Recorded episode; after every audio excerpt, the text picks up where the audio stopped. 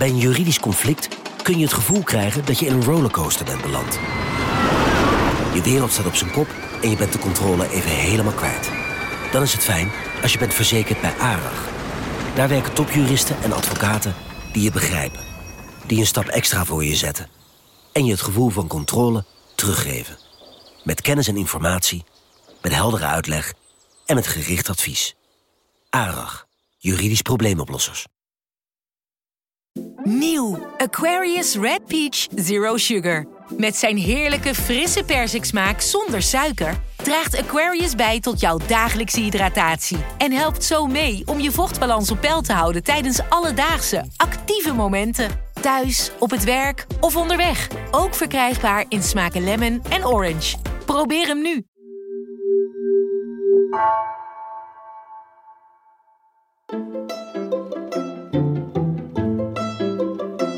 Welkom. Wij zijn Onbehaarde Apen. Dit is een podcast van NRC over wetenschap.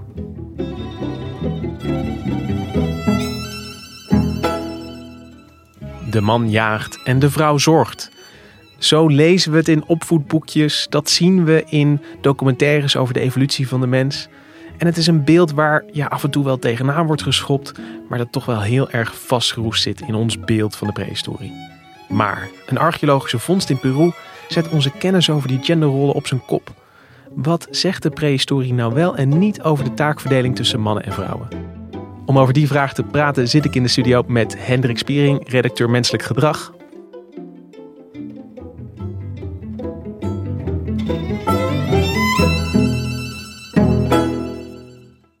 The site of Willamayapata is in southern uh, in the southern highlands of Peru. It's at about 3,800 meters above sea level. You know, it's a pretty cold environment, and this this is like a, a small hill out in the middle of this uh, big plain environment. Daar staat hij dan, de hoogleraar archeologie van de Universiteit van Californië, Randall Haas, op een heuvel in Zuid-Peru. So we went out to this hill and we were walking around, and, and on the surface of the hill are um, thousands of little stone tools, uh, stone tool artifacts, pieces of debris from making stone tools. And among those, uh, th- that debris, occasionally we would find um, projectile points, these stone arrow heads. Um, and we would find, we, that day we found about a hundred of these little projectile points. Het lijkt een hele gewone opgraving van gebruiksvoorwerpen uit 9000 jaar oud, 10.000, zo het begin van het Holoceen. Maar dan blijkt het al iets bijzonderer te worden, want ze vinden graven, wat niet normaal is. Zoveel graven zijn er niet uit de tijd. En ze vinden er wel een stuk of zes. And that's when we started to hit these uh, about 30 centimeters below the ground surface. We started to encounter these cultural features, these dark stains in the ground, these oval stains, many of which turned out to be human burial pits. And as we were coming down on this pit, uh, I remember Mateo shouted out from the pit. And this one was actually, this burial was actually a lot deeper than the rest. So he was kind of down inside. And, you know, his voice comes out from the pit and he shouted, Punta. Punta is the, the Spanish word for projectile point. Uh, oh, okay, that's interesting. And then, um, so we came over and we looked, and I could see that there was a little bit of the cranium uh, the skull was exposed, so there was bone. So we knew it was a burial. And then there was a, a, projectile point. I think it was about 10 minutes later, he shouted out, Punta. Oh, okay. So go back, and yep, there's another one right next to it. And then I, you know, I turn my back, and then he shouts Raspador, which is a another kind of artifact, a little scraper tool. And and this kept up um, throughout the whole day. Um, and so th- at this point, we got really excited. We thought this is something different that we hadn't seen before. En dan ontstaat er dus echt opwinding. Want als je graven vindt, dat is eigenlijk al super. Want dan kan je ineens zie je veel meer van hoe de structuur van een, van een bevolking is geweest die daar gewoond heeft. En nu vinden ze dus een graf van een echte jager met een ja, wij vinden het vrij weinig met al onze spullen van nu. Maar voor die tijd is dit een hele grote uitrusting. Met pijlen, met, met schrapers, met oker om, om huid te, te prepareren als je gejaagd hebt. Dus je kan met dat zakje spullen, als je dat bij je hebt, dan kan je als jager, ben je klaar. kan je gewoon op pad. Once we realize that it's a hunting toolkit and we realize that this individual is likely a hunter, then people uh, uh, start speculating. Clearly, this is an important individual at this point. And so the conversations went something like, wow, he must have been a great hunter. You know, maybe he was a great chief. Ze zien dus ineens, dit is de leider, dit is de koning op de berg. Dus grote opwinding op die berg, een bijzondere vondst? Want dit was kennelijk een bijzonder persoon. Ja, zoveel vind je dat niet natuurlijk. En wat gebeurt er dan daarna? Dan wordt het allemaal keurig uh, naar een lab gebracht. Uh, en dan gaan ze nog eens goed kijken. En een beetje uh, uitrusten van de opgraving. En in het lab wordt er dan keihard gewerkt. En wat, wat, wat is dan een onderzoek dat je in het lab doet? Nou, je kijkt dan in detail naar die botten die vrij breekbaar zijn. En in het lab kunnen ze dat dan heel voorzichtig doen. En dan komt dus een van die bottenkenners uit het team. Die komt dan naar Randy Haas toe. En die zegt, ja, we waren al blij dat het, dat het zo bijzonder was. Maar het zou wel eens nog bijzonderder kunnen zijn, want het lijkt wel een vrouw. Right, we're getting the data. Um, we're in the lab processing, and of course, we, we actually live in the same place that we're doing. We have um, sleeping quarters in the same building. So every night we we convene, we have dinner, and we talk about sort of what we what we found. And one evening, I remember Jim telling me, you know, sort of telling me what he had observed that day. And he said, you know, Randy, I think, I, th- you know, that hunter uh, burial that you guys excavated. I think he is a she. Ik stel me voor, de opwinding is compleet, want je hebt iemand waarvan je denkt, dit was een belangrijke persoon in de tijd waarin. Een belangrijke man. Ja, dat, dat was de eerste gedachte. En uh, dat, dat, dan blijkt het dus een vrouw te zijn. Dit wil je natuurlijk zo snel mogelijk opschrijven en met je collega's delen. Als je Randy Haase bent. Ja, maar het moet natuurlijk wel kloppen. Dus, want op die botten, uh, dat, dat, het, het zou ook nog een jonge man kunnen zijn. Dus je, je houdt altijd twijfel. En dan weet je gewoon in de wetenschap, dan krijg je die hele baggerzooi over je heen. Van ja, u zegt wel dit, maar het kan ook dat. Maar het, we leven nu in een tijd dat je dus ook, zelfs als het 10.000 jaar oud is, kun je de eiwitten eruit vissen uit een tand. Want er lagen ook nog wat tanden in die schedel. En dan schijnt het zo te zijn dat bepaalde eiwitten komen alleen bij vrouwen voor in het tandglazuur. So fortunately, at that point, I actually happened to have been working with a forensicist at UC Davis um, who had developed a method for uh, for accurately identifying the sex of individuals by looking at the proteins in the dental enamel of teeth. And teeth are the one things that one one of the things in human skeletons that preserve exceptionally well in the archaeological record. So this technique is particularly useful for sex estimation in archaeology. And dat bleek dus ook zo te zijn. Dus het was echt een vrouw. En dan heb je natuurlijk, sta je midden in de wereld van het wereldbeeld van de archeologen. Want iedereen denkt natuurlijk dat het een man is. en het is ineens een vrouw. De, gewoon de aanname is als je zo'n graf vindt, Tuurlijk. dat moet een man zijn. Ja, net als in andere prehistorische tijden. Als je grote bijlen vindt en speren, is het een man. En je zegt eigenlijk van, van dat, dat is de aanname. Um, die, die verrassing die dat team zeg maar voelt is dat een, een, een verrassing die dan ook gedeeld wordt door de archeologische gemeenschap als ze hiervan horen. Van oké, we hebben hier dus te maken met een, met een vrouwelijke jager. Maar dat lees je ook in het stuk wat ze in Science Advances hebben gepubliceerd. En wat ook bij mij toen op tafel kwam. Toen dacht ik ook, wauw, wat is hier aan de hand? Klopt het wel, denk je dan, als doorgewinterde journalist? En dan hebben ze het ook heel, het is een vrij bijzonder stuk. Ze hebben het heel precies afge. En ook helemaal die context erbij van, uh, ja, normaal denken we altijd dat het een man is, maar. En uh, toen, dat, dat maakt dit echt bijzonder. Want toen daar zijn ze gaan kijken van, ja, hoe gek zijn wij eigenlijk? En toen hebben ze er gekeken naar uh, allerlei andere graven uit die tijd. So I did the the next best thing was I just went back to the literature which had been accumulated for 50 years or, or more of archaeologists doing work throughout the Americas. And I went to look at that literature and see what other people had, had discovered in, in burials from this early time period. Dus wat het team van Haase eigenlijk doet, is zij zijn eh, door hun aannames eigenlijk over hun eigen aannames gestruikeld. Ja, ze zijn natuurlijk ineens gefascineerd geraakt door uh, het is onmiskenbaar wat ze hier hebben. Een, een koning op de berg die een vrouw is, wil ik het maar zo zeggen.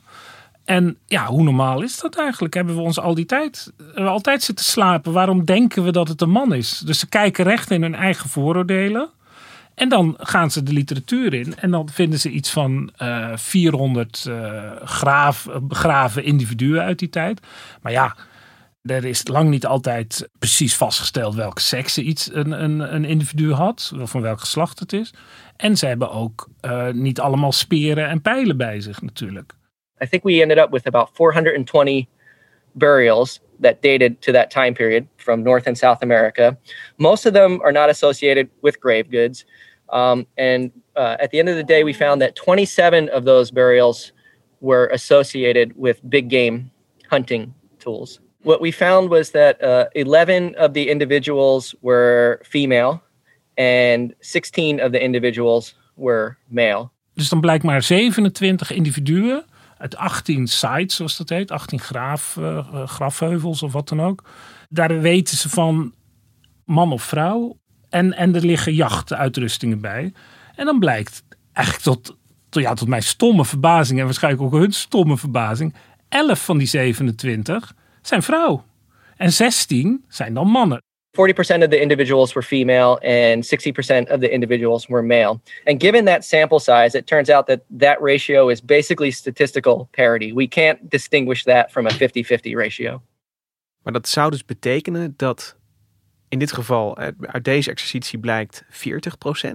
En uh, Haase zegt hier, ja, dat kunnen we eigenlijk niet onderscheiden van 50% nee, met hoe weinig skeletten we hebben. Ja. Maar Hendrik, dat betekent dat het, het, niet zomaar is dat er af en toe een, een vrouwelijke jager is geweest.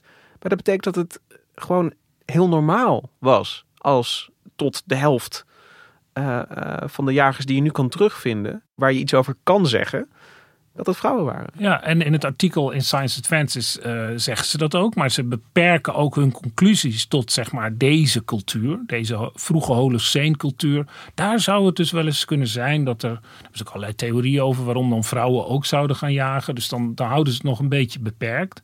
Maar het is volkomen duidelijk dat ja, voor eigenlijk voor alle periodes er dus een clichématige aanname is dat de mannen jagen en de vrouwen verzamelen en voor de kinderen zorgen, die dus gewoon als algemene waarheid gewoon niet klopt. En je zegt al, dit resultaat zat eigenlijk al verscholen in de literatuur. Maar het krijgt een punch omdat je nu een nieuwe vondst hebt. En je kunt het eigenlijk zeg maar even, even. Is dat wat hier gebeurd is? Dat, dat er eigenlijk uh, stilletjes op de achtergrond misschien al van alles gebeurde. Maar dat er nog een, een soort ja, doorbraak voor nodig was. Een, een goed verhaal om te vertellen misschien. Voordat dat echt tot het publieke bewustzijn kon doordringen. Ja, en het interessante is dus dat ze die weg ook gekozen hebben, dit onderzoek. Dat is ook het knappe van dit onderzoek. Ze hadden ook kunnen zeggen van ja, het is een vrouw en ja, heel gek en uh, dat is het dan. Maar ze hebben in dat stuk leggen ze ook alles open. Ook over dat er dus uh, in, de, in allerlei andere etnografische literatuur. het eigenlijk al, als je goed kijkt, er heel veel door vrouwen wordt gejaagd. Wat in, in heel veel discussies al bekend was, tillen ze naar boven in dit stuk. En dat was ook mijn ervaring, want ik kende wel een paar gevallen. Maar ik liep eigenlijk ook tegen mijn eigen cliché op. Dat je, ja, je denkt er eigenlijk niet over na, dus het zal wel. Was jij ook eerst getroffen door het, het, bijzondere losse geval, zeg maar? Dus, dus, dus dit graf, deze heuvel, hier in Peru? Ja, zo begin je eraan natuurlijk. En, en, dan... in, en in tweede instantie door eigenlijk werd je opnieuw getroffen door alle bewijs dat er eigenlijk onder verscholen Ja, en dat wat dus soms al uit eh, de, de, jaren 70 en 80 onderzoeken die je dan leest. En dat je denkt, nou, dat is echt fantastisch dat uh, gedaan. Ook heel goed over een stam in, in India, volgens mij, die uh, de jagerverzamelaars, waarbij dus een groot deel van de vrouwen ook jaagt. Dat je denkt, ja, waarom, waarom wist ik dat eigenlijk niet? Waarom wist jij het niet? En daar wil ik het echt heel graag met jou verder over hebben. Want Um, ik wist dat ook niet in die mate. En toch hebben we dat ja, dominante beeld van, van de man als jager met, met, met, die op, op, uh, met een hert op zijn schouders zeg maar, het kamp inkomt.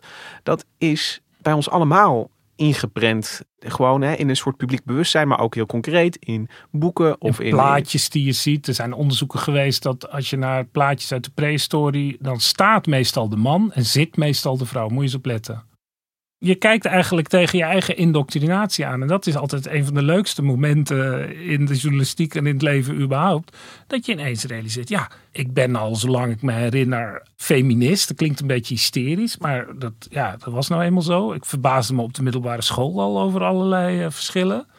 Dat, dat de meisjes allemaal alfa gingen doen en de jongens beta. Dat, ja, goddank is dat niet meer, maar dat was toen nog wel. En dat vond ik allemaal heel vreemd.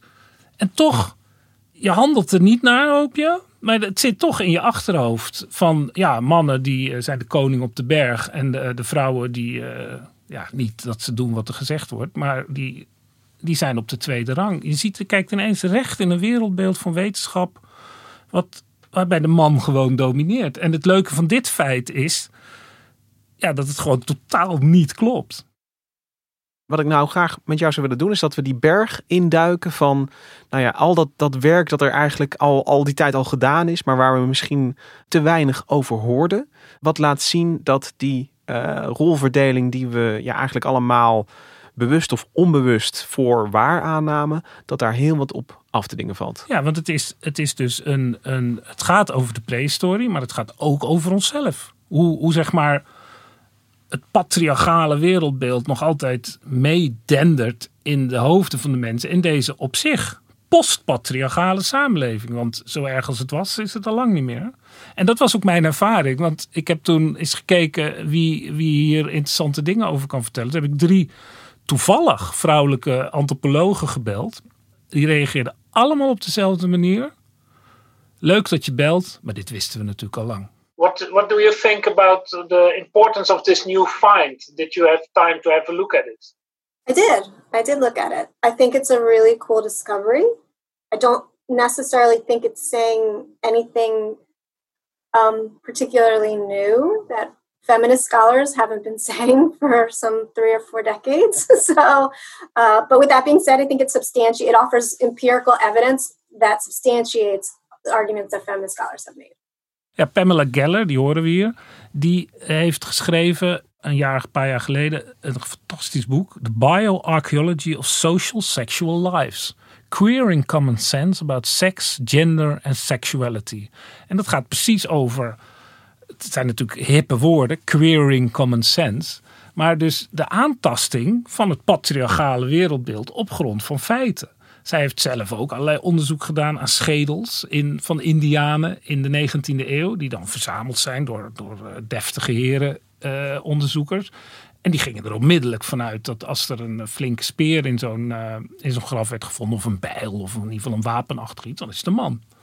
En zij kon op grond van bottenkennis ja, dan denk je toch, nee, dat is echt een vrouw. En dan ontstaat er dus een totale wending van allerlei verhalen die er ook wel waren over Indiaanse vrouwen die als krijger vochten. Om bijvoorbeeld om wraak te nemen. Er was van alles aan de hand. En dat werd dan altijd vaak gezien als een beetje rare verhalen, uitzondering.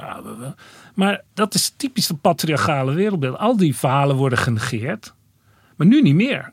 Dus nu ineens kantelt dat hele wereldbeeld, wat een uitzondering lijkt. Hè? Bijvoorbeeld een, een koningin in de middeleeuwen. Dat is eigenlijk helemaal geen uitzondering. Als je goed gaat kijken, zie je van alles. Van dat, dat die vrouwen zich helemaal niet aan het patriarchale wereldbeeld hielden eigenlijk. En die Geller heeft dus, uh, zeg maar, voor moderne Indianen, hè, dus, dus die in de moderne tijd uh, leefden, eigenlijk dezelfde uh, boodschap als Haase nu, nu heeft over die, die ehm, Indianen in prehistorische tijden eigenlijk. Dat dat dus als je gewoon kijkt naar hoe ze begraven uh, zijn, dat, dat je dan ook weer veel meer vrouwen uh, treft dan je volgens oude denkbeelden zou. Ja, je hebt, dus, je hebt dus zeg maar die patriarchale wetenschap, laat ik het maar zo zeggen, die uitgaat van dat soort clichématige ideeën, die ook in de maatschappij, zeker toen, maar ook nu nog. Ik bedoel, er zijn meer mannelijke premiers dan vrouwelijke premiers. Dus die dominantie die is er nog wel, maar die was toen onomstreden. Dus ja, er werd gewoon niet goed gekeken. En je hebt het ook in de antropologie met onderzoek van volkeren in Afrika, in Azië, Australië. Ze keken alleen maar naar wat mannen deden. Ik moet ook denken, Hendrik, aan iets wat jij al in de uh, podcast over vikingen hebt verteld. Um, dat er ooit ook een graf is gevonden, uh, ook weer met uh, wapenuitrusting.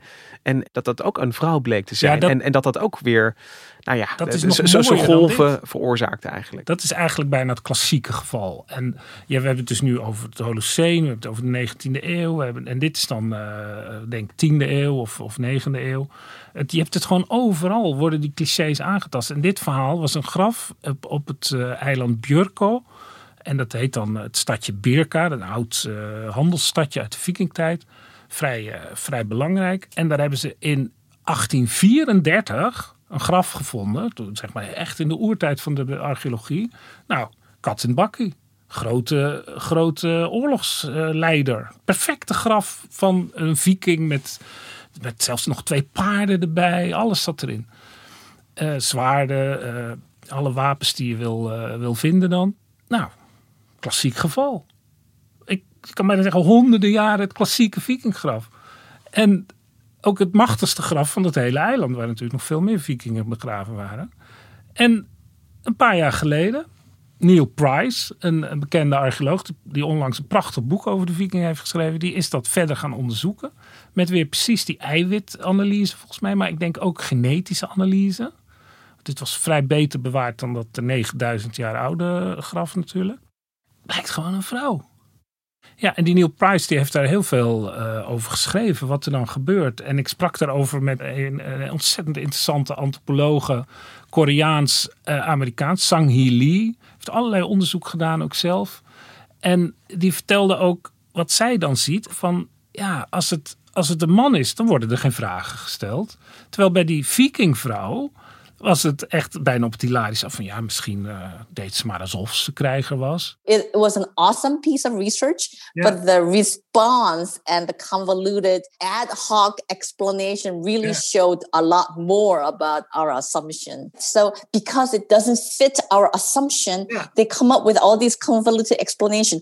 Oh, it was it, it must have been uh, disturbed. It must not have been hers, but her father's. So nobody questions if a if a man is discovered with with weapons. They say oh yeah his his. Nobody says oh it must be his sisters. But if a woman is yeah, yeah. discovered with weapons they say oh it must have been her her brother her husband or her her her father's. Het is dus twee eeuwen na de vondst van dat skelet. En wat ik dan zo treffend vind, is, is dat inderdaad dan, dan hè, op een gegeven moment komt dat inzicht, het is een vrouw dat er dan alles uit de kast wordt gehaald om, om daar, dat toch nog te, te bevragen. En, en, en de meest voor de hand liggende verklaring, dit was een machtige vrouw die uh, misschien oorlog voerde en, en macht had, dat die dan zo terzijde wordt geschoven. Ja, maar het is wel, het, het, het, die tijd is wel aan het veranderen. Want we leven eigenlijk dus echt in een postpatriarchale periode, waarin dit, dit soort bezwaren klinken zwak. Want ja, er is gewoon te veel. Je kunt nog de, de, een, een soort wetenschappelijke mantel uh, aantrekken en zeggen van uh, elke hypothese moet je bevragen.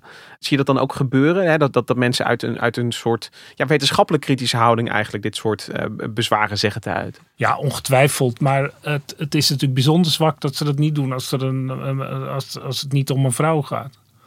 Dus ja, dat is net als dat als een middeleeuwse koningin die de macht heeft, die zal ook wel gedaan hebben wat, uh, of een, een farao, er zijn ook vrouwelijke farao's, die zal ook wel niet echt veel macht hebben gehad. Weet je, dat kan je gewoon, het is gewoon niet meer geloofwaardig.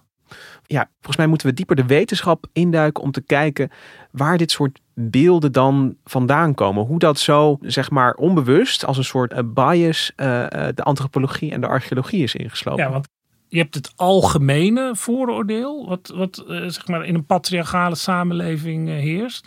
Maar je hebt in de evolutie, in de antropologie, heb je nog het enorm krachtige idee van de man the hunter. En dat is bijna een soort samenvatting van een ontwikkeling in de 20e eeuw. En dat, het, het, wordt altijd Man the Hunter genoemd naar een congres uit 1966, waar iedereen die ertoe deed uit de hele wereld uh, kwam. En het kernidee is wel iets meer dan alleen maar een arbeidsverdeling. Dat is zeg maar ergens in eh, 1 of 2 miljoen jaar geleden uh, onze verre voorouders vlees gingen eten. Dankzij jagende mannen. En dat die uh, jagende mannen eigenlijk de motor zijn geweest van de evolutie. Van de menselijke evolutie. Dat dankzij het feit dat die mannen hun leven gingen wagen om achter die beesten aan te rennen en ze te doden. Werd de verhouding met vrouwen anders, konden ze meer zorg voor hun kinderen geven omdat de arbeidsverdeling was dat dan de vrouw die ging dan voor de kinderen zorgen die veel meer zorg nodig hadden vanwege die groeiende hersenen. Het is een heel complex systeempje wat dan wordt uitgedacht. Maar alles, de motor daarvan is de jacht. En dat is een, een heel diep idee als je dan die arbeidsverdeling van jacht ineens gaat relativeren. Van jacht voor de mannen, de beweging en de vrouwen thuis een beetje verzamelen als je dat gaat aantasten, stort dat hele grote idee over hoe wij eigenlijk mens zijn geworden in elkaar. En in feite is dat nu ook in elkaar gestort natuurlijk want- in de afgelopen jaren. Dat vind ik nog wel de moeite waard om te benadrukken. Want eh, dit is in, in zekere zin de, de, de, eh, de meest extreme doorgevoerde machtstheorie van, van mannen. Want in dit man the hunter idee, eh, je zegt het al, is, is de, de sturende kracht in de evolutie. wa- wa- waardoor mensen mensen zijn geworden. Dat, dat, dat zou dan op, op de schouders van mannen zijn Ja. gekomen. Ja, en ik heb dus ook een speciaal een boek meegenomen nu. Van een, een antropologe die ik eh, al een aantal keren voor de krant ook heb geïnterviewd. Sarah Blaffer Hurdy. Ze is heel bekend over haar boek over moederschap. En zo is ze ook allerlei hele goede dingen over geschreven. Maar die heeft in 1981, dus 15 jaar na dat congres, een boek geschreven. The Woman That Never Evolved. Een van de meest sarcastische wetenschappelijke titels die er zijn. De vrouw die nooit evolueerde. En dat hele boek is één grote pleidooi en ook bewijs dat eh, dat hele idee dat in de evolutie de vrouw een beetje achter de man aan hobbelde, wachtend wat er zou komen, volkomen onzin is. Dus de seksuele autonomie, de, de economische autonomie, die is zo groot altijd geweest. En dat wordt allemaal bedekt door een soort laag van patriarchaal stof. Maar als je kijkt naar wat er werkelijk aan de hand is bij eh, jagers-verzamelaars, er is geen sprake van dat mannen eh, machtiger zijn dan vrouwen. Maar is het wel, is het wel een gekke eh, gedachte dat mannen zeg maar de, de gevaarlijke beesten opjagen? Want nou ja, mannen zijn sterker. Eh, als, we kijken naar de Olympische Spelen, dan rennen ze altijd net, iets harder en gooien ze speren net iets verder. Is het dan een gek idee dat de jacht inderdaad door mannen wordt gedaan? Het is geen gek idee dat mannen eh, sterker zijn gemiddeld. Hè, gemiddeld, er zijn natuurlijk variaties, dan vrouwen. En dat, dat de, zijn ook meestal iets groter. Maar de vraag is, bepaalt dat dan de dominantie? Daar sprak ik ook met eh Sang-hee Lee, de Koreaanse-Amerikaanse antropologe, over. En die schoot bijna in de lach toen ik dat eh, over begon. The way we even define strength is male oriented. In the field of medicine, it is understood that, for example, women have much higher endurance, they have stronger immune system, but that's not the part of strength that we bring out. When we say, oh, men are stronger, we pick out the definition of strength that men are stronger in. And if if we consider the kind of hunting that humans do. It is not one to one, it's not man against mm-hmm. beast. It is a coordinated group effort of endurance hunting, in which case, really, the burst of power strength is not a big deal, anyways. Dus wat Sang Hili hier eigenlijk zegt, is dat die explosieve kracht, dat, dat die ook überhaupt niet zo'n grote rol speelt in, in de manier waarop jagers-verzamelaars zeg maar voedsel verzamelen. Nee, het is, kijk, het is een feit dat mannen iets sterker zijn, maar het is natuurlijk een totaal mannelijk idee dat dat dus zeg maar een soort rechtvaardiging voor dominantie is. Want als je nu kijkt naar het gewone leven, bij, of dat nou bij jagers-verzamelaars is of hoe wij nu leven, kracht is maar één van de factoren. Het is bijna, als je je, je kracht moet gaan gebruiken, heb je eigenlijk al verloren. Dus netwerken, economische macht, uh, zijn, zijn veel belangrijker dan, dan de feitelijke kracht. Je ziet dat ook bij, uh, om, om maar eens een hele andere kant op te gaan, bij primaten, bij bonobo's. Daar zijn de mannen echt sterker dan de vrouwtjes. Maar die mannen die werken heel slecht onderling samen. En die vrouwen werken heel goed samen. En die zijn dus de baas. Een vrouwennetwerk kan een man makkelijk aan. Alleen, je moet wel goed samenwerken dan natuurlijk. En de maatschappijvorm bepaalt ook of die samenwerking tot stand komt. En je ziet dus dat het, het hele idee van die verrassing dat je dus denkt, wat ik ook bij die Sangili had, ja maar mannen zijn toch sterker. Dat is ook eigenlijk een soort patriarchaal idee wat in ons achterhoofd meeloopt tetteren de hele tijd. Maar hoe verklaar je dan dat ja, de wetenschappelijke methode, die ik over het algemeen toch uh, waardeer, zo lang in, in, een soort dwaalgebied ronddolde, waarin in, in de man als een belangrijke calorieënvoorziener uh, werd gezien. Ja, het ligt ook op zich niet aan het wetenschappelijke methode, maar gewoon aan de omstandigheden waarom on, onder het onderzoek wordt gedaan. Want uh, Sang die vertelde ook van ja, die onderzoeken in de 19e eeuw en daarna al die antropologen die naar die, die stammen gaan om te kijken hoe het, hoe het, het jaag-verzamelaarsleven is. Dat waren allemaal mannen. The, the idea that men hunted, the men were doing the hunting, shown by all these ethnographic records, are based on early modern anthropologists. They reflect the kind of viewpoint and interest of the researchers who were studying them. And ethnographies generally are not some hard, neutrally, objectively observed facts. It's not, I don't know, it's not, you know, Earth going around the sun. It is really what the researchers look yeah. for with a particular questions. And of course, most of those researchers, most of those anthropologists were men who were interested and noticed what men do. Ja, je kan ze bij wijze van spreken niks verwijten, want ze gingen misschien ook wel liever met die mannen mee. Natuurlijk, ja, een beetje uh, met z'n allen het bos in. En die vrouwen blijven dan achter. Maar ze mochten vaak ook helemaal niet bij die vrouwen blijven natuurlijk. Want ja, dat, uh, dat was allemaal not done.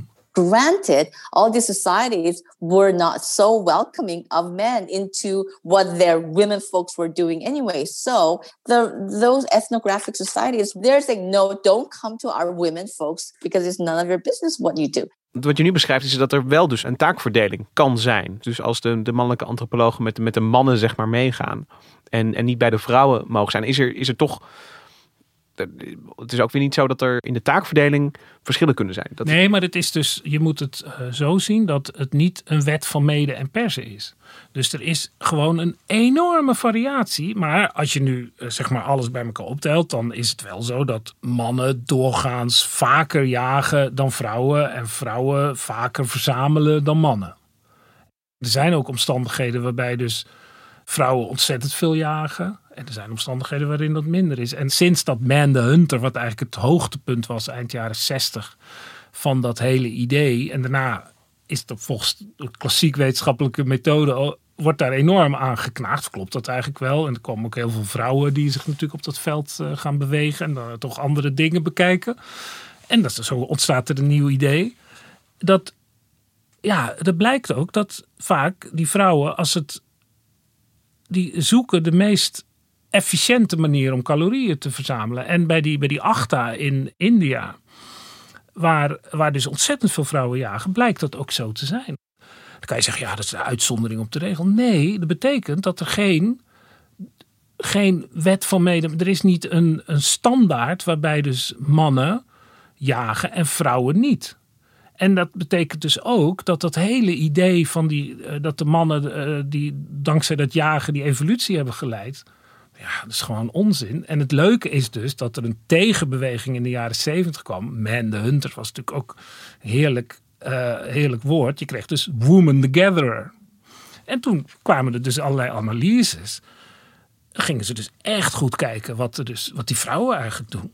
En hoeveel calorieën dat oplevert. En werd dat onderzoek dan gedaan ook door vrouwen? Vaak door vrouwen, ja. Niet alleen natuurlijk, want ja, zo simpel is het natuurlijk niet dat, dat, dat mannen dat niet interesseert. Wij zitten hier nou ook met z'n tweeën gefascineerd hierover te praten. Er zijn een aantal hele dominante vrouwelijke onderzoekers geweest. Sarah Blaffer, die heb ik al genoemd. Die zit meer op die primatenhoek. Kirsten Hawks, die uh, bijvoorbeeld heeft bekeken wat bijvoorbeeld de oude vrouwtjes, de, de grootmoeders, dat is de grootmoederhypothese, die blijken enorm veel voedsel te verzamelen. En ook de vrouwen zelf. En dan blijkt dan ineens dat ze denken, ja, maar ze hebben die mannen eigenlijk helemaal niet nodig. En dan valt ook het hele idee dat mannen dominant zijn natuurlijk uit het, uh, in het water. Want als die jacht niet noodzakelijk is, en dan komt er een soort hulphypothese. Er wordt dan gezegd, ja, die mannen gingen jagen voor de status. Maar ja, het kleedje is wel onderuit getrokken, want ja, het, het in de evolutie telt toch uiteindelijk van, uh, levert het wat op of niet? Status alleen is niet genoeg. Er, er zijn geen biologische, evolutionaire wetmatigheid dat uh, als je ergens een, een, een, een groep jagers-verzamelaars zich ontwikkelt, dat dat automatisch leidt tot jagende mannen en verzamelende vrouwen. Nee, de vrouwen hebben evenveel initiatief en evenveel zeggenschap in, in hoe het leven geleid wordt. Waar ik wel benieuwd naar ben, ik heb door al die prehistorische plaatjes, door documentaires, heb ik een heel goed beeld van nou ja, die groepjes mannen die jagen. Weet je, ik kan me zo een documentaire voor de geest halen waar in uh, bijvoorbeeld in, in, in Papua gaat dan de documentairemaker bijna mee met, met, met de jagers. Die gaan uh, netten opspannen, vleermuizen vangen en dieren in de, in de val lokken. Ik weet hoe dat eruit ziet, uh, mannen die jagen. Weten we ook hoe vrouwen die jagen eruit zien? Ja, precies hetzelfde natuurlijk. De ACTA in, in, in India, dat is een fantastisch onderzoek waarin ook uh, dat is dus een geval waarin uh, de vrouwen ontzettend veel jagen. Ik geloof dat uh, ze 40% van de jacht doen. Dus de mannen doen wel iets meer aan die jacht. En er is ook wel verschil dat ze die mannen op iets groter wild jagen, die vrouwen op kleiner wild. Wat dan altijd ontzettend grappig is, is dat je dan in de reflectie in de literatuur vaak weer reacties ziet van ja, maar dat is eigenlijk geen jacht. Kijk, konijnen vangen is geen jacht. Weet je, ja, waarom niet eigenlijk? Ja, je, kunt de doel, je kunt de doelpaaltjes altijd blijven verplaatsen. Ja, als, als het de mannen waren, zou niemand die vraag stellen. Maar, en wat bij die ACTA zo mooi was van dat onderzoek, is dat ze het ook echt heel goed gedaan hebben. Dat ze ook hebben gekeken van ja, welke vrouwen gaan jagen. En dan blijkt dat, dat ook gewoon zwangere vrouwen, vrouwen met een, jong kind wat nog gezoogd moet worden, hup, op de rug, gaan mee. Ja, ja, die rennen dan waarschijnlijk niet in volle vaart achter een everzwijn aan. Maar dat is sowieso niet zo handig. Want er zijn allerlei handige jachttechnieken met touwen, strikken, speren die je klaarzet, kuilen waarin je ze laat vallen. Dat doen die mannen ook. Dus het is maar weinig wat die Sangili ook zegt. Dat je bij spreken alsof je een soort riddergevecht voert met een dier. Nee, je laat hem meestal in de val lopen natuurlijk. Dat is voor iedereen beter. En wat ze bij dat onderzoek ook hebben gedaan, is dat ze gekeken hebben van ja, wat is dan het idee van ja, vrouwen die menstrueren en die krijgen dan ook kinderen. Is dat allemaal wel uh, goed als, voor die kinderen als ze dan uh, gaan jagen? Nou, blijkt niet uit te maken. Vrouwen die jagen of als ze niet jagen, want er zijn ook vrouwen die daar niet jagen, die krijgen evenveel kinderen. Die kinderen groeien even voorspoedig of niet voorspoedig, want het is een arm, arm gebied, op. Het maakt niet uit. Dus ja, dat, dat, dat vond, het is een onderzoek dat in 1987 uh, verscheen. Dat vond ik nogal schokkend, want ja, daar stond eigenlijk alles al. Als we dat nou beter hadden gelezen. Als we dat nou beter gelezen, ja. Dan waren we misschien minder verbaasd geweest over de ontdekking van Haase ook. Het is interessant om je af te vragen hoe dat toen in de krant was gekomen. Als we dat onderzoek toen gezien hadden. 1987. Ik denk dat, dat hier op de redactie al de, de man-vrouw verhouding natuurlijk al heel anders was. Ik denk dat er toen andere stukken over zouden zijn geschreven dan, uh, dan nu. Als die afweging al gemaakt ja. werd dat het uh, interessant genoeg was. Het zou meer nog, denk ik, vanuit het oude denken als een interessante uitzondering gezien worden. Terwijl we nu denken, ja, het is eigenlijk een bewijs van hoe gevarieerd en hoe het alle kanten op kan gaan. En als je die ACTA hebt, waarin uh, ja, eigenlijk iedereen uh, jaagt, hebben we nog, nog, nog meer van dat soort voorbeelden uit zeg maar, de, de moderne antropologie. Van, ja, van... want ik, ik, toevallig belde ik een uh, Franse antropologe, ook naar aanleiding van dit onderzoek in Peru. Sadrine Galois heet ze. En zij heeft heel veel onderzoek bij de Pygmeeën in Cameroen gedaan. In the same society you can find women who prefer to stay home and gather. Uh, but you can also find women who really like hunting and are really proud to use shotgun, for instance, in those contemporary societies, right? Mm. And that's a personality also. That's not only because of your gender. Dit vertelde jij ook al over die ACTA. Weet je dat het, dat er dus, um, dat het dus ook heel erg afhangt van het individu. Of, of iemand het leuk vindt om ja. uh, te jagen. Um, en, en, en dat dat niet door je geslacht bepaald wordt. Nee, je eigen chromosoom bepaalt niet of je dat uh, gaat doen of niet. En dat is een beetje het oude idee. En wat, wat ik bij uh, Galois zo interessant vond, was dat ze dus eigenlijk zei: Ja, ik vind het eigenlijk niet zo interessant meer om alleen maar voortdurend te kijken wat doen de mannen, wat doen de vrouwen. Je moet kijken naar de, ja, hoe functioneert zo'n samenleving. En je hebt mannelijke lichamen en vrouwelijke lichamen. Maar de maatschappelijke rol, die kan enorm variëren. Die is niet één op één gebakken op, die, op, op dat biologische onderscheid. We zijn zo gewend in onze moderne samenleving om de biologie te verheerlijken. Maar ja, er speelt zich gewoon veel meer af. Dus nu heb ik even in kort het verschil tussen geslacht en gender uitgelegd. Wat natuurlijk heel bekend is eigenlijk. Maar ja, je ontdekt vanuit dit soort dingen ja, hoe ontzettend relatief dat is. En die Sang Hili, had ook iets ontzettend grappigs. dat ze over die uh, Peruaanse jager, die koningin op de berg, zal ik maar zeggen, zei ze ja, misschien beschouwde die zich ook wel helemaal niet als vrouw. It has to be pointed out that just because it is a biological woman I mean, biological female yeah. does not necessarily mean that she played the the woman part or, or perceived woman part in the society. Maar Sang Yili zegt dus eigenlijk van, misschien zag deze jager uh, zich ook niet alsof ze die, die vrouwelijke rol speelde, maar misschien was die rol er dus ook helemaal niet een vrouwelijke rol. Ik bedoel, er zijn natuurlijk samenlevingen die, die daar wel uh, veel belang aan hechten ja. en, en daar onderscheid tussen maken. En uh, misschien kijken we hier dus naar een groep waar dat dus niet zo speelde. Nee, maar we, wij zijn vanuit onze uh, moderne westerse postpatriarchale, maar in feite nog patriarchale wereldbeeld, zijn we zo gewend om mannen, vrouwen en uh, er is natuurlijk een tegenbeweging dat daar dus tussen van alles nog zit. Queer. Uh, dus en als je naar die Vroeger werd dat dan als uitzondering gezien, maar nu wordt, wordt gewoon die enorme doos van variaties opengebroken. Dat, dat zelfs als je dus niemand ontkent op de wereld dat er mannen en vrouwen zijn, maar de rollen die ze in de maatschappij hebben, die, zijn totaal niet geslachtsgebonden. En je hebt dus allerlei subrollen, bijrollen, dominante rollen. Mensen kunnen van geslacht veranderen. Je, hebt, je kan het ontzettend ingewikkeld maken. Ik vind het al best wel ingewikkeld worden. Want, want je, je, zeker in de archeologie blijf je toch. Je, kunt iemand geen vragen meer stellen. Ja, in hoeverre kun je eigenlijk wel iets zeggen over uh, hoe deze mensen zichzelf uh, gezien hebben? Ik bedoel, je kunt nog die observatie maken dat het dat jager, dat dat een. een je, je zei aan het begin zelf al dat er, er hoort een uitrusting bij. Uh, dat, dat, dat kennen we ook uit de normale gemeenschappen. Dat dat een, ja, dat dat een rol is die je kan, kan ja, hebben. Dat kan je dus heel goed herkennen. Ja, maar, en maar, of maar het dan een man of een vrouw is, ja. ja de, de, of het is dat relevant eigenlijk? Waarom is dat relevant? De vooruitgang is eigenlijk dat we niet meer automatisch dat man-vrouw verdeling op zo'n samenleving eh, plakken. En ik, ik sprak daar dus ook met Pamela Geller over.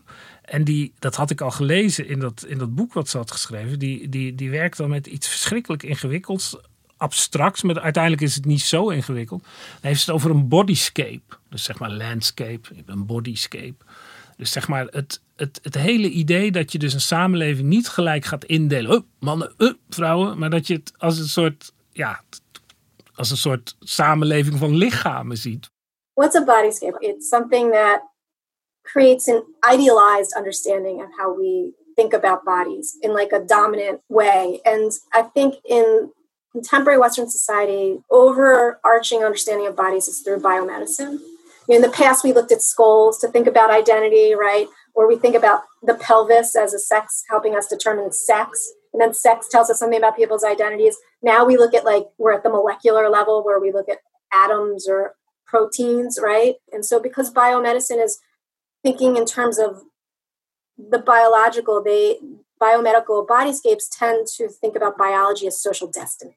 Dus wij kijken met een biomedisch oog naar die wereld. Terwijl je kijkt in feite alleen maar naar de lichamelijke basis. Maar die hele culturele superstructuur, die negeren we eigenlijk. Ik, ik, ik snap dat pleidooi heel goed om dat los te laten. En, en, en tegelijkertijd blijf je dus, uh, wat, wat ze zelf ook benoemt, je blijft zitten met iets dat je uh, uh, in sommige gevallen dus, dus wel kan meten en andere dingen die je niet kan blijven meten. Dus dankzij die genetische technieken kun je zien of iemand twee X-chromosomen had of iemand twee y, een X en een Y-chromosoom had. Dus je hebt aan de ene kant die, die meetbare werkelijkheid en ik, en, maar ik, ik, kan er helemaal in mee dat, dat je a priori niet, niet daar al allerlei concepten op nee. aan moet En dat is nu, dat is eigenlijk de vooruitgang, dat je dus de onzekerheid is eigenlijk de vooruitgang. En dat opent dus je ogen voor een hele andere werkelijkheid. Dat je niet alleen maar onze eigen wereldbeeld op een andere samenleving plakken. En als je dan kijkt naar hoe daar met de traditionele oog naar gekeken wordt, dat het gelijk wordt gescheiden. Hup, man, vrouw, hup, klap, klap.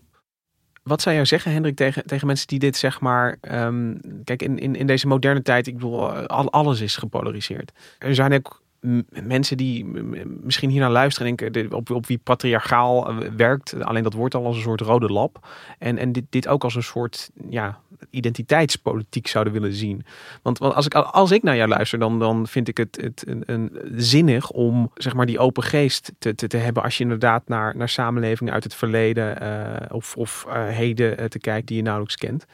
Maar um, speelt dat debat ook op dat niveau of maak ik het nu te, te modern? Nou ja, kijk, het, je kan het ook uh, uh, op onze eigen samenleving plakken. Want toen ik met Sang Lee zat te praten, toen merkte ik, dat was nog in het begin van mijn hele research, dat ik, er zat een soort patriarchaal stemmetje van, ja, maar dat hoort toch zo en mannen zijn toch sterker en uh, waarom wordt het allemaal anders? Als je dus naar onze eigen samenleving gaat kijken, en ik kan alleen maar voor mezelf spreken, maar ik denk dat heel veel mensen dat hebben, dan zie je toch dat je automatisch een, een, een man aan de macht normaler vindt dan een vrouw aan de macht. En als je dat nou eens verlaat, dan ga je toch anders kijken.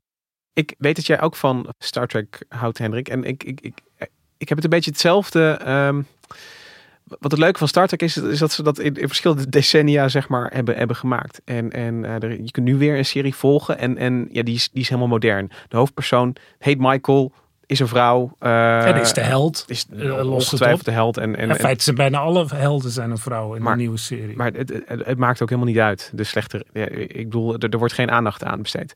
Uh, als we dan een stapje teruggaan, vroeger had je Star Trek Voyager en daar werd nog wel gesignaleerd van, oh, weet je wel, we, we, we hebben nu een, een een vrouwelijke kapitein van het schip. En dat werd wel, werd wel eh, toch benadrukt. Ook al, weet je wel, de, dat, dat was al het begin van die normalisatie. Maar als je nu naar Star Trek The Next Generation kijkt, dan uh, uh, vond ik vroeger heel erg leuk. Toch in de jaren tachtig bedacht, weet je, of echt, echt, dat was nog echt een, een, een, mannenclub. Ja, dan mocht een vrouw op de brug zitten. Ja. Maar die moest... de psychologie doen. Ja, die moest de psychologie doen. Die was empathisch en die kon de gevoelens van andere aliens, zeg maar, steeds vertellen. Oeh, ze zijn boos. Oeh, ja, ze, ze, zijn, verdrietig. verdrietig. Dan moest dan de mannelijke kapitein, die moest daar dan rekening mee houden. Ja. Oh ja, oh ja, nee, dankjewel, dankjewel. Nee, maar dus, dus, dus dat gevoel, wat, wat, wat jij beschrijft. En, het is en, nog en, veel erger met Star Trek, want je hebt ook nog de jaren 60 afleveringen ja.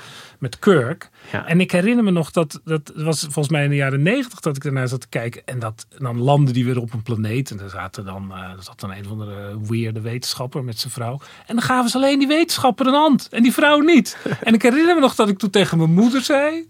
Uh, wat, was dat vroeger zo? Ja. Toen mijn moeder nadenken en zei ja, dat was zo. Als de mensen op bezoek kwamen, dan kreeg de man een hand en de vrouw niet. Ja.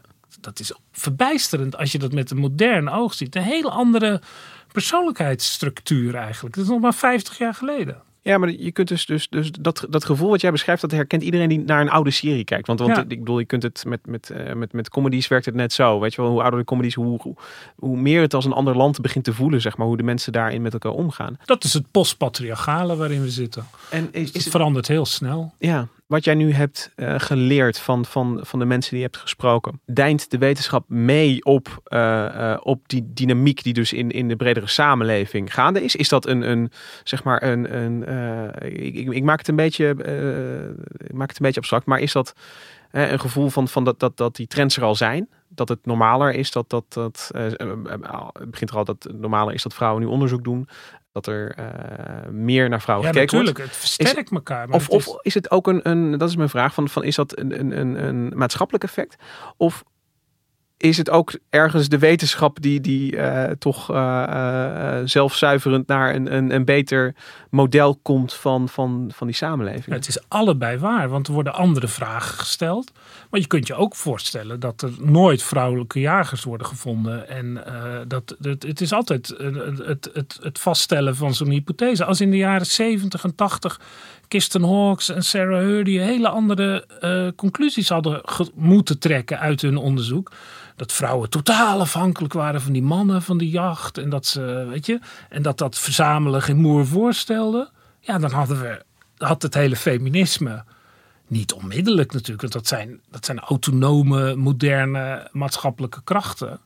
Maar die hadden dan, dat was wel een probleempje geweest natuurlijk. En dan hadden ze weer een ander verhaal moeten hebben. Nu zitten we in een verhaal dat van oudsher mannen en vrouwen gelijk zijn. Zoals Karel van Schaik, die samen met de Duitse journalist eh Kai Michel ontzettend interessant boek eh, gepubliceerd. De waarheid over Eva heet het. Hoe de patriarchaat eigenlijk door de eeuwen heen ontstaan is. En hoe het vroeger was. Die, Karel van Schaik, die zegt ja, we zijn nu 300.000 jaar mens. Daarvan hebben 295.000 jaar, dus mannen en vrouwen eigenlijk gelijk gefunctioneerd. Egalitair. Egalitair in een samenleving waarin mannen misschien wel sterker waren, maar vrouwen ook krachtige netwerken hadden, hun eigen economische systemen, waardoor ze niet afhankelijk waren. En dat is natuurlijk een ingewikkeld verhaal, maar het was geen dominantie van de man. Alleen door de uitvinding van de landbouw, waarbij bezit komt, een hele nieuw soort maatschappij ontstaat, eh, kunnen mannen de macht grijpen, in feite. En ja, in die nachtwoeks daarvan leven we nog, maar door allerlei nieuwe maatschappelijke ontwikkelingen zijn we daar natuurlijk op een versneld tempo afscheid aan het nemen. En als je dus, om terug te komen op die polarisatie, als je dus je persoonlijke identiteit als man wil vastklinken aan een soort ja, oorlogszuchtig, mannelijk, dominant, Heldhaftig. heldhaftig, noem de clichés allemaal krachtig, eh, dan ja, ja, veel succes. Maar dan moet je niet in de prehistorie zijn. Ja, je, wat, wat is de rechtvaardiging daarvoor? Dan moet je zeggen, ja, dat wil ik zo. Ja, oké. Maar je kan je niet beroepen op het verleden of zo. Hendrik, ik ben nog wel benieuwd naar één ding. Want ehm, eh, hoe, hoe meer jij hierover eh spreekt met iedereen, hoe- ik bedoel, onderdeel van, van, van je onderzoek is dan dat, dat de, de, de mensen met wie je spreekt zeggen van ja, maar dit is eigenlijk geen nieuws. Dus je- we zitten op een interessant moment dat ik en, ehm, en misschien een lezer of luisteraar het inderdaad wel nieuws vindt Ja. dat, dat er 9000 jaar geleden een, een vrouw werd begraven in een prachtige jagersuitrusting. En dat de mensen die kennis van zaken hebben, daar eigenlijk alweer hun schouders over ophalen. Dus hoe, Nou, hun schouders, het is natuurlijk een beetje een gimmick. Dat vinden ze dan grappig eh, om een journalist eh, te zeggen, ah joh, kom je daar nu mee? Maar dat, eh, het, het, we zitten natuurlijk op een kantelpunt. Je hebt nu die hele kwestie, want over seksualiteit hebben we het ook nog helemaal niet gehad. Met queer en, en LHBTI en, en, en, en seksuele geslachtsveranderingen. En ja, dat is gewoon zo'n veld wat zo in beweging is. Dat het natuurlijk wel degelijk belangrijk is. Daarom is het ook zo grappig dat, dat Sangili zei... ja, misschien beschouwde die eh, jager zich wel helemaal niet als vrouw. Weet je, dat is een soort overtreffende trap... van ja, hoe liggen die man-vrouw verhoudingen vroeger en nu? Want het confronteert ons natuurlijk ook met hoe wij tegen die wereld aankijken. En als je nu eens probeert om niet te kijken of iemand een man of een vrouw is in het maatschappelijke leven. Het, het, het is niet verplicht of zo, maar dat je, dat je ineens de, de, zeg maar die, het, het, eigenlijk alles normaal vindt. Dan ga je toch anders kijken. We zitten zo in zo'n biomedische dichotomie. een postpatrialige eh, biomedische eh, dichotomie. Ja, Ja, ik eh, met eh, ehm, deze in onze schokkende... bodyscape, zeg maar. Ik denk dat het eh, tijd wordt om eh, een, een, een strikje om... Ik wou hier Deze- nog even over verder gaan. Dichotomie is tegenstelling. Hè? Ja, ja, ja. En we laten deze eh, woorden nagalmen en, eh, eh, aan de luisteraar om te, te- op te kouwen en te overdenken. Ehm dankjewel Hendrik dat je ons wilde bijpraten over al deze schuivende inzichten, ideeën. Langzaam schuivende inzichten en ideeën in, in dit geval. Ehm, wij zijn er volgende week weer met een nieuwe aflevering. Hey, een e-mailtje van luisteraar Chris Bootsma. In de podcast Onbehaarde Apen van woensdag 6 januari werd gezegd dat je je echt moet laten vaccineren voor de groep. Maar helaas is, zoals in de podcast ook wordt vermeld, nog niet bewezen dat de nieuwe vaccins verspreiding tegengaan. Ja, hoe zit dat? Goeie vraag, Chris. En ik heb die ook nog even voorgelegd aan eh Nikki natuurlijk. Het klopt dat de vaccins nog niet bewezen werken tegen de verspreiding van het virus. Het eindpunt in al die studies was om te kijken of mensen ziek werden, ja of nee. En als je 30 bent, dan zou je natuurlijk kunnen denken: het risico dat ik loop is ja, niet zo groot. Dus waarom zou ik me laten inenten? En Nicky vertelde me dat uit proefdieronderzoek wel is gebleken dat bijvoorbeeld apen minder symptomen krijgen en ook minder virus in hun neus bij sommige vaccins. Niet bij allemaal. Ehm, maar dat je dus wel kan verwachten dat mensen die het vaccin hebben gehad, dus ook wat minder coronavirus gaan verspreiden. En het klopt, in eerste instantie vaccineren we mensen om te voorkomen dat ze ziek worden. Vandaar dat er ook ja, toch wordt begonnen met ouderen en andere kwetsbaren. Maar uiteindelijk is de verwachting Het moet nog allemaal blijken en definitief worden uitgezocht, maar is de verwachting dat het ook helpt tegen de verspreiding van het virus. Dus uh, Chris, ik hoop dat je daarmee nog uh, geholpen bent met je vraag. Dank jullie wel. Ben je nou nieuwsgierig geworden naar welke podcasts NRC allemaal nog meer maakt? Download dan de NRC Audio app. Bijvoorbeeld naar NRC Vandaag. En ik kan jullie verklappen dat aankomende vrijdag Bart Funnekotter daarin komt vertellen over het pokkenbriefje. Dat was een briefje dat je in de 19e eeuw nodig had om aan te tonen dat je tegen de pokken was ingeënt. Mirjam van Zuidam bedankt voor de productie van deze aflevering. En Nina van Hattem en Jeppe van Kesteren bedankt voor de montage. De muziek die je hoort, die is ingespeeld door het Dudok Quartet. En wij zijn er volgende week weer. Tot dan! Thank you